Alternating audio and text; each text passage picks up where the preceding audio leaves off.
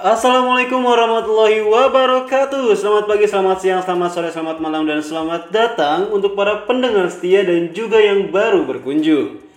Bertemu lagi dengan aku Devan Cuma di Aksuara Suarakan aksaramu. Oke, beberapa menit ke depan aku bakal nemenin kegabutan kalian dan juga kehektikan kalian di tengah gempuran tugas kuliah atau sekolah dan juga deadline tugas kantor. Atau mungkin kalian yang hobi rebahan, gak ada kegiatan dan bingung mau ngapain. Pada podcast kali ini aku bakal bawain acara pedas pekan dalam suara. Oke, aku tahu sih, ini memang seharusnya pedas itu ada di satu atau minggu, tetapi karena kemarin belum sempat, jadi aku sekarang aja ya.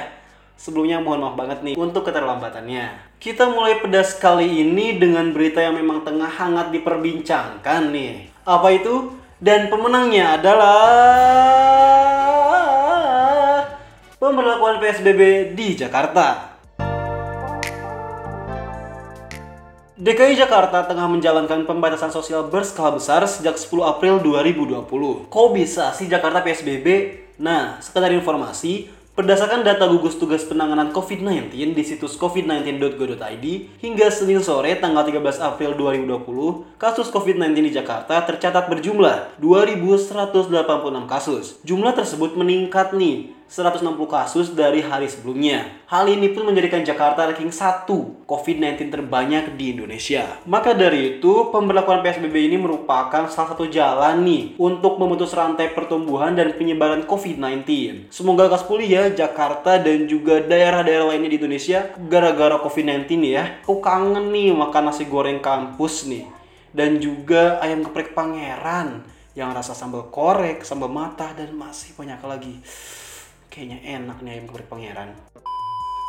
Lantas, apa aja sih yang dibatasi selama PSBB? Oke, yang pertama, peliburan sekolah dan tempat kerja. Eits, Peliburan di sini bukan benar-benar gak ada kegiatan belajar mengajar ya, tetapi nih KBM dialihkan yang biasanya tatap muka sidah kebari balem di bangku sekolah sambil duduk cantik melihat doi yang komuknya gak beraturan mikirin jawaban MTK. Lalu pas jam pelajaran kita izin ke toilet, padahal beli sebelah di kantin. Menjadi KBM yang kekinian dengan penggunaan media sosial ataupun media daring. Contohnya nih ya pengaplikasiannya itu di Google Classroom dan aplikasi-aplikasi lainnya yang memang menunjang untuk pembelajaran pembelajaran. Kemudian, kerja pun yang mulanya duduk di kursi panas, penuh kesetresan, tetapi bisa ngecengin teman kantor, beralih nih menjadi work from home. Ya, walaupun pada akhirnya kuota semakin membengkak, sementara dompet semakin menipis. Gimana gak menipis? Coba nggak ada pemasukan dari orang tua gak bisa kayak gini aku tuh. Kalian gimana? Kedua, pembatasan kegiatan keagamaan. Seluruh masjid dan juga rumah ibadah diberhentikan dulu untuk sementara kegiatan keagamaannya. Aduh, aku tuh kangen loh. Suara adzan dari lelaki tua yang semangat berkumandang. Tahu kan kayak gimana adzannya?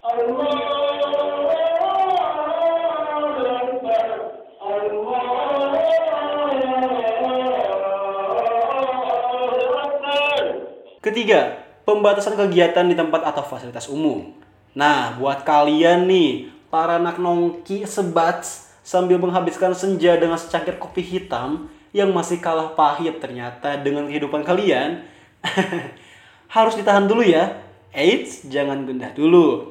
Pembatasan ini dikecualikan nih untuk supermarket, minimarket, pasar, toko atau tempat penjualan obat-obatan dan peralatan medis, kebutuhan pangan, barang kebutuhan pokok, barang penting, bahan bakar minyak, gas, dan energi, dan juga fasilitas pelayanan kesehatan ya. Pemprov DKI Jakarta melarang perkumpulan massa di atas lima orang selama masa PSBB. Nah, buat kalian yang punya geng di atas lima orang, gak bisa nih kalian ngumpul-ngumpul, nanti sisanya dibuang dong. Gak kebayang ya kalau cari bel reunian, kan banyak tuh.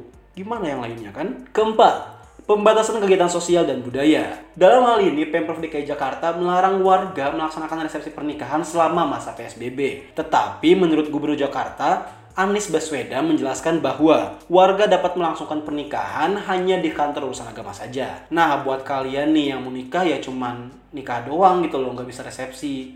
Kasian ya buat wedding hunter ya yang nyari makanan-makanan gitu loh, makan gratis kan.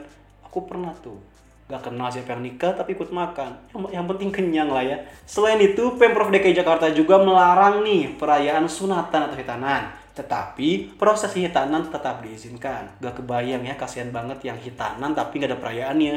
Gak bisa dapat duit banyak terus beli sepeda atau beli PS gitu loh. Kelima, pembatasan moda transportasi. Pembatasan moda transportasi penumpang, baik umum atau pribadi, dengan memperhatikan jumlah penumpang dan juga menjaga jarak antar penumpang. Untuk penerapannya, Pemprov DKI Jakarta membatasi jam operasionalnya nih dan juga jumlah penumpang seluruh transportasi umum di ibu kota. Adapun jam operasinya yaitu seperti untuk MRT, KRL ataupun Transjakarta, yaitu pukul 6 pagi sampai 6 sore. Selain transportasi umum, dalam Permenkes RI nomor 9 tahun 2020 disebutkan bahwa layanan ekspedisi barang termasuk sarana angkutan roda 2 berbasis aplikasi dengan batasan hanya untuk mengangkut barang saja dan tidak untuk penumpang. Nah, buat kalian nih para Grab lovers dan juga Gojek lovers, sayang sekali nih kalian harus ditahan dulu egonya, ditahan dulu keinginannya untuk ditemani babang Grab dan babang Gojek mengelilingi kerlap-kelip Jakarta atau bahkan menggoda babangnya. Mohon maaf sekali nih, ditahan dulu. Kecuali kalau kalian mau ngirim barang ke doi, ke teman, ke orang tua, ke mertua, dan ke tetangga yang lainnya. Banyak banget ya yang dibatasi. Lalu, apakah ada nggak sih sektor yang tetap berjalan? Ada dong, yaitu yang pertama, sektor kesehatan. Rumah sakit, klinik, dan industri kesehatan seperti produsen dan disinfektan tetap beroperasi. Jadi gak kebayang juga sih kalau misalkan nanti sektor kesehatan diberhentikan, nanti siapa yang ngurusin pasien-pasien COVID-19 dan pasien-pasien lainnya? Kasian kan? Kedua, sektor pangan, yakni yang berkaitan dengan makanan dan juga minuman. Ketiga, sektor energi. Sektor ini terkait dengan air, gas, listrik, dan pompa bensin. Jadi kayak PLN, PDAM masih buka ya. Keempat, sektor komunikasi, yakni jasa komunikasi maupun media komunikasi. Jadi buat kayak perusahaan-perusahaan media, kayak TV, koran, dan lain sebagainya, masih beroperasi. Ya kalau misalkan nggak beroperasi, gimana nanti kita menonton TV kan? Ada acaranya nanti. Kelima, sektor keuangan dan perbankan. Keenam, Sektor logistik yang terkait dengan distribusi barang akan tetap berjalan seperti biasa. Dengan aturan ada prosedural untuk membersihkan gitu loh.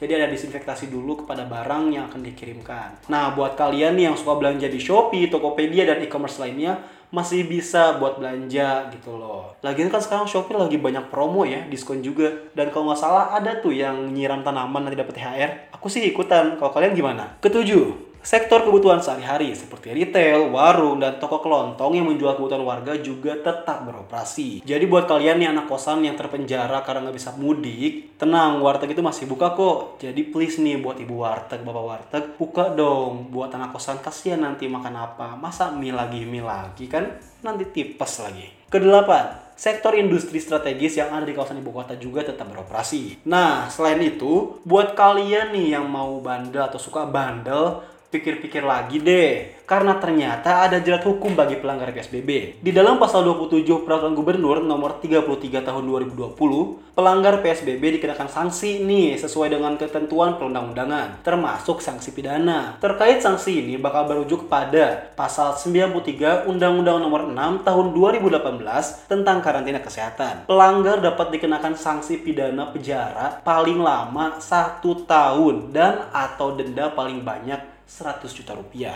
Gak kebayang nih kalau kalian dijebloskan ke penjara karena melanggar PSBB ini. Nanti ditanya sama napi senior, lu kenapa masuk penjara? Bandel bang karena keluar pas PSBB, corona. Duh, kalian kan jadinya napi kelas bawah. Nah, harapanku pribadi sih selama pelaksanaan PSBB ini, Polri dan TNI juga harus bahu-membahu nih menjaga keamanan kota dan lingkungan agar tidak terjadi tindakan kriminal. Apalagi kan sesuai kebijakan Menteri Hukum dan HAM bahwa para napi itu banyak yang dibebaskan dan yang tak kalah penting adalah kesejahteraan masyarakat juga harus diperhatikan ya para pemerintah. Jakarta Jayo.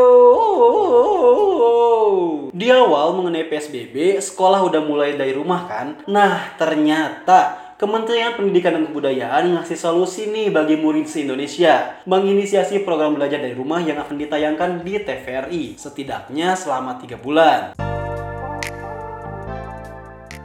Masih banyak ternyata sekolah di daerah yang tidak memiliki akses internet, kesulitan menggunakan platform teknologi, hingga keterbatasan dana untuk beli kuota internet ataupun pulsa. Adapun perihal konten pembelajaran, dalam program belajar dari rumah ini akan berfokus pada literasi, numerasi, dan penumbuhan budi pekerti atau pendidikan karakter. Kemendikbud terbuka untuk menjalin kerjasama dengan berbagai pihak dalam pembelajaran. Nah, sekarang kita ngomongin jadwalnya. Senin hingga Jumat digunakan untuk pembelajaran dengan total durasi 3 jam per hari untuk semua tayangan. Jadi, masing-masing ada setengah jam. Setengah jam untuk PAUD, setengah jam untuk kelas 1 sampai dengan kelas 3 SD, setengah jam untuk kelas 4 sampai kelas 6 SD, dan setengah jam masing-masing untuk SMP, SMA, dan parenting. Pada akhir pekan, yakni pada Sabtu dan Minggu, ada dua durasi. Ada durasi 3 jam khusus untuk program kebudayaan, antara lain gelar bicara atau talk show, podcast, kesenian, dan magazine tentang perkembangan budaya dari seluruh Indonesia. Di malam hari akan ada pemutaran film Indonesia dengan pilihan berbagai genre, seperti film anak, drama, dan juga dokumenter.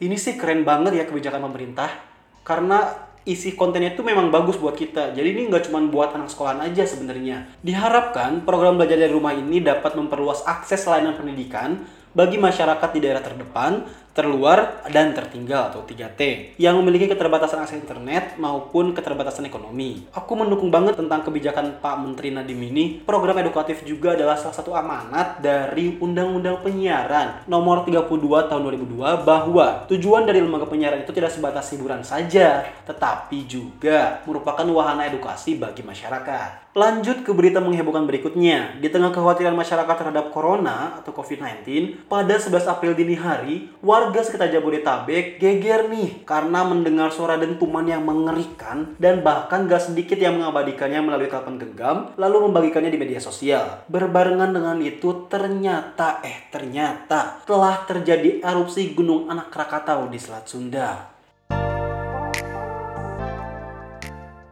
Nakal ya anak-anak ini. Spekulasi pun bermunculan nih teman-teman. Warganet ramai membahas suara dentuman itu di sosial media. Sebagian besar ahli sepakat bahwa dentuman misterius yang didengar warga Jabodetabek dan sebagian warga di wilayah Jawa Barat bukan akibat erupsi Gunung Krakatau. Hal ini diungkap oleh Pusat Vulkanologi dan Mitigasi Bencana Geologi atau PVMBG, Badan Geologi SDM, hingga BMKG yang meneliti gempa tektonik akibat aktivitas gunung berapi. Nah, adapun spekulasi-spekulasi warganet itu adalah seperti mulai dari kegiatan magma sekitar Gunung Jabodetabek, petir, hingga kemungkinan bunyi meteor yang jatuh loh. Namun, hingga saat ini para peneliti pun masih belum pasti nih menemukan jawaban yang tepat mengenai penyebab bunyi gemuruh tersebut. Kepala Bidang Mitigasi Gunung Api PVMBG, Bapak Hendra Gunawan menjelaskan, suara dentuman tidak disebabkan oleh aktivitas magma anak Krakatau, Menurutnya, dentuman pada kasus erupsi biasanya terjadi jika ada magma ambruk. Hal ini biasa terjadi pada erupsi tipe Plinian. Sementara, erupsi anak Krakatau kemarin adalah tipe Strombolian yang bertekanan rendah. Sehingga, berdasarkan tipe letusan, erupsi Gunung Anak Krakatau tersebut tidak menghasilkan dentuman. Terkait dentuman yang terdengar di Jakarta dan wilayah Jawa Barat lainnya, sejak awal letusan sampai sekarang, di pos pengamatan Gunung Api Pasauran, Banten, tidak terdengar dentuman.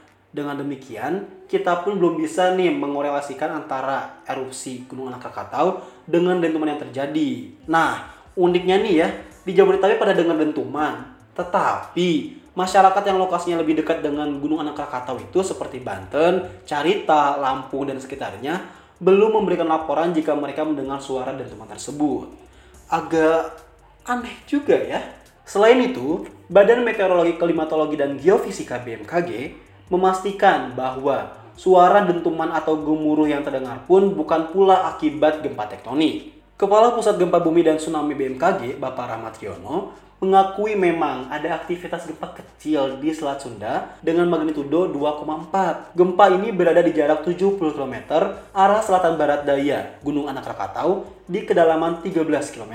Meski demikian, kekuatan gempa tersebut tidak signifikan dan tak dirasakan oleh masyarakat sekitar. Erupsi Gunung Anak Rakatau ini berdasarkan catatan sensor BMKG lebih lemah nih dibandingkan erupsi yang pernah terjadi pada 22 Desember 2018 lalu. Senada dari BMKG, Bapak Daryono yang merupakan juga bagian dari BMKG ya, mengutarakan kemungkinan dentuman akibat petir. Namun, ia pun masih menyaksikan nih, sebab menurutnya petir maksimal hanya mencapai jarak 16 sampai 25 km saja. Selain itu, bunyi petir juga sangat khas di mana orang awam dengan mudah mengenalinya. Sementara suara pagi itu lebih mirip dentuman yang anatominya tuh berbeda dengan suara petir nyeremin lah. Sebab berdasarkan pemetaan yang dilakukan, suara dentuman itu terdengar hingga ratusan kilometer. Bapak Daryono menyebutkan, dentuman itu juga tidak berasal dari skyquake atau gempa langit. Nah, jadi di Twitter itu atau media sosial lainnya, banyak juga nih para warganet yang berspekulasi bahwa itu tuh akibat dari skyquake atau gempa langit. Sementara, skyquake adalah istilah yang diciptakan oleh sekelompok komunitas untuk menyebut suara-suara yang datang dari langit. Masyarakat awam pun ini kayak ikut-ikutan gitu loh, jadi itu turut munding lah. Padahal, konsep yang sudah mapan terkait bunyi bunyi yang bersumber dari peristiwa atmosferik tersebut sudah ada seperti acoustic wave, infrasonic wave, sonic boom dan lain sebagainya. Keren ya, ada akustika di langit. Namun, saat dentuman terjadi, menurutnya tidak ada laporan dari stasiun pendeteksi sonic boom. Selain itu, saat kejadian juga, tidak ada laporan ada pesawat dengan kecepatan suara yang melintas. Sehingga fenomena skyquake pun sebagai sumber dentuman saat itu terbantahkan ya teman-teman. Dalam rantai cuitan Bapak Daryono, ada juga netizen yang menanyakan kemungkinan dentuman tersebut berasal dari meteor. Oh, makin serem juga ya. Namun, hal tersebut dibantah. Menurut data BMKG, menunjukkan pada saat kejadian tidak ada meteor yang tengah terbakar di atmosfer. Bersamaan dengan kehebohan ini, para anak indie school ya ya indigo lah ya bermunculan nih di media sosial yang mencurahkan kekhawatirannya yang mereka rasakan tentang bencana alam Indonesia. Hal itu pun bukannya kayak bikin kita tenang malah bikin memperkeruh suasana lah ya bikin kita parno juga gitu loh. Gak sedikit nih yang mengaitkan sebagai pra kiamat gitu loh. Kayak gua diri kiamat lah ya. Katanya tuh bakal tanda-tanda kiamat menurut orang-orang indigo dan juga orang awam lainnya. Aduh, tapi hal tersebut banyak pro kontra sih dan juga cukup ramai di media sosial Twitter khususnya. Ya, semoga aja ini hanya kejadian alam saja ya. Karena kalau kiamat dekat-dekat ini belum siap cuy. Ibadah masih bolong-bolong, sedekah masih jarang. Apa yang mau dipertanggungjawabkan kepada Tuhan gitu loh. Emang kalian siap? Aku sedih banget sih selama sepekan kemarin tuh banyak banget musibah. Kita tuh kayak lagi naik roller coaster ya. Naik turun, teriak, sedih. Bener-bener gak nyangka aja gitu loh. Banyak peristiwa yang gak terduga, yang menyedihkan dan juga memilukan. Selain dari berita yang udah aku sebutkan dan juga jelaskan, ada juga nih berita-berita yang gak kalah penting dan juga berita yang cukup heboh di masyarakat. Di antaranya yaitu wafatnya Glenn Fredly nih, penyanyi legendaris Indonesia yang senantiasa menemani kita di saat galau nih. Kalian lagu favorit dari beliau apa sih? Aku sih banyak banget ya kayak Januari, Akhir Cerita Cinta, apalagi ya?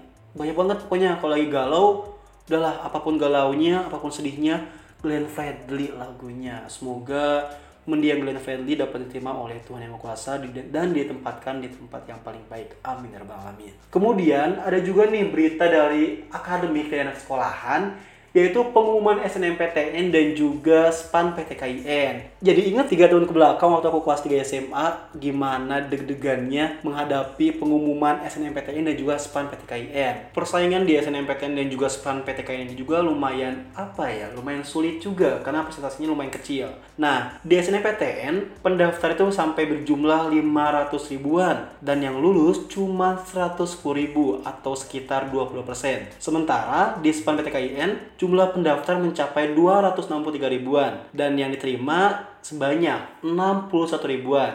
Jadi yang dinyatakan lulus itu sekitar 30 persenan lah. Jadi ini cukup saingannya cukup banyak ya dan juga lumayan ketat berarti cukup ketat atau bahkan sangat ketat ya. Nah, biasanya kan suka ada nih PTN-PTN favorit di SNMPTN dan juga SPAN PTKIN. Untuk di SNMPTN 2020, yang menjadi favorit pertama adalah Universitas Brawijaya. Lalu diikuti oleh Undip, UGM, Unpad, Univ Negeri Semarang, UPI, UNS 11 Maret, Univ Sumatera Utara, Univ Yogyakarta, UNY ya dan yang terakhir adalah UNJ, Univ Negeri Jakarta. Sementara untuk di SPAN PTKIN, yang pertama yaitu UIN Sunan Gunung Jati Bandung. Yeay!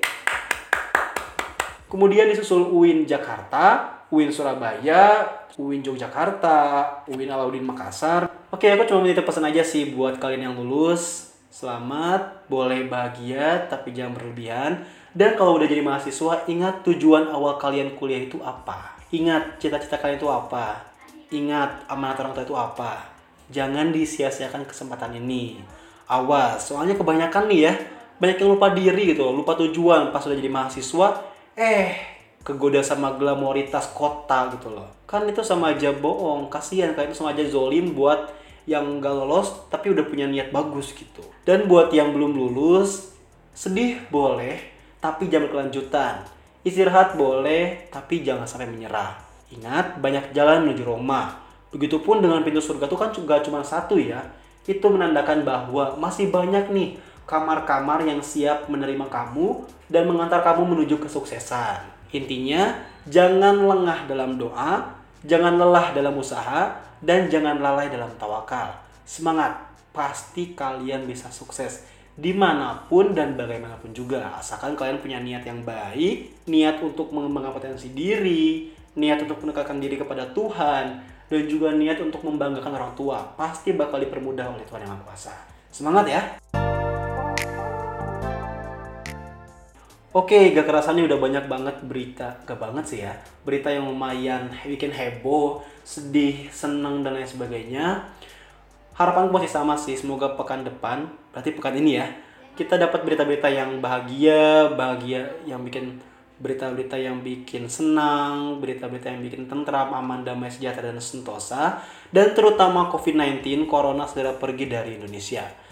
Ngapain lama-lama sih? kan maksimal bertamu itu tiga hari ya kalau dalam Islam. Ini kok lama banget ya? Gak tahu ada memang gak ada akhlak nih corona ini. Mungkin cukup sekian podcast kali ini pedas kali ini berarti ya.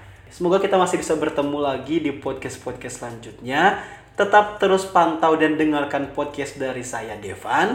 Cuma di Aksuara suarakan aksaramu. Wassalamualaikum warahmatullahi wabarakatuh